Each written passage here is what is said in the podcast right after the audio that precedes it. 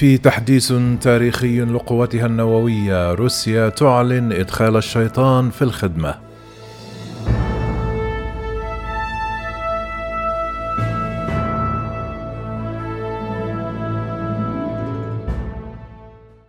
قالت روسيا السبت أنها تعتزم نشر الصواريخ البالستيه العابرة للقارات التي تم اختبارها حديثا من تراس سرمات والقادرة على شن ضربات نووية بحلول الخريف المقبل.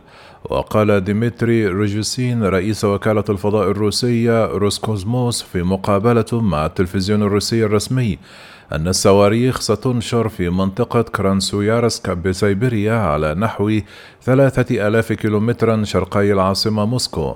كشف أنه سيتم وضع تلك الصواريخ في نفس المواقع وفي نفس الصوامع مثل صواريخ فودوفيا التي تعود إلى الحقبة السوفيتية.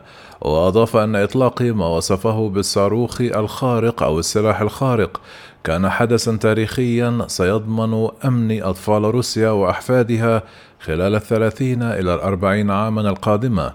صاروخ سارمات الذي يلقب بالشيطان اثنان قادر على حمل عشر أو أكثر من الرؤوس النووية وضرب أهداف على بعد آلاف الأميال وفقا لخبراء.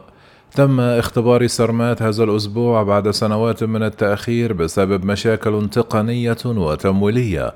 واختبار الأربعاء الماضي يمثل عرضا للقوة من جانب روسيا في وقت أدت فيه الحرب في أوكرانيا إلى توترات مع الولايات المتحدة وحلفائها حيث ارتفعت إلى أعلى مستوياتها منذ عام 1962 يندرج هذا السلاح في إطار سلسلة صواريخ أخرى قدمها الرئيس الروسي فلاديمير بوتين عام 2018 على أنها لا تقهر وتشمل هذه الصواريخ كينجال وأفانغارد. وفي عام 2019 قال الرئيس الروسي أن صاروخ سارمات ليس له حدود عندما يتعلق الأمر بالمدى وإن بإمكانه إصابة أهداف من خلال عبور القطب الشمالي وكذلك القطب الجنوبي.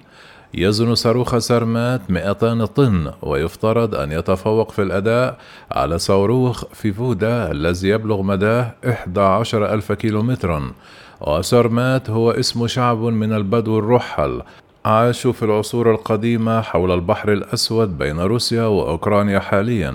وازداد القلق الغربي من خطر نشوب حرب نووية منذ أن أعلن الرئيس الروسي فلاديمير بوتين غزوه لأوكرانيا في الرابع والعشرون من فبراير في خطاب أشار فيه بوضوح إلى قوة روسيا النووية وحذر من أن أي محاولة لعرقلة طريقها قال الأمين العام للأمم المتحدة أنطونيو غوتريش الشهر الماضي إن احتمال نشوب صراع نووي لم يكن من الممكن تصوره في يوم من الأيام.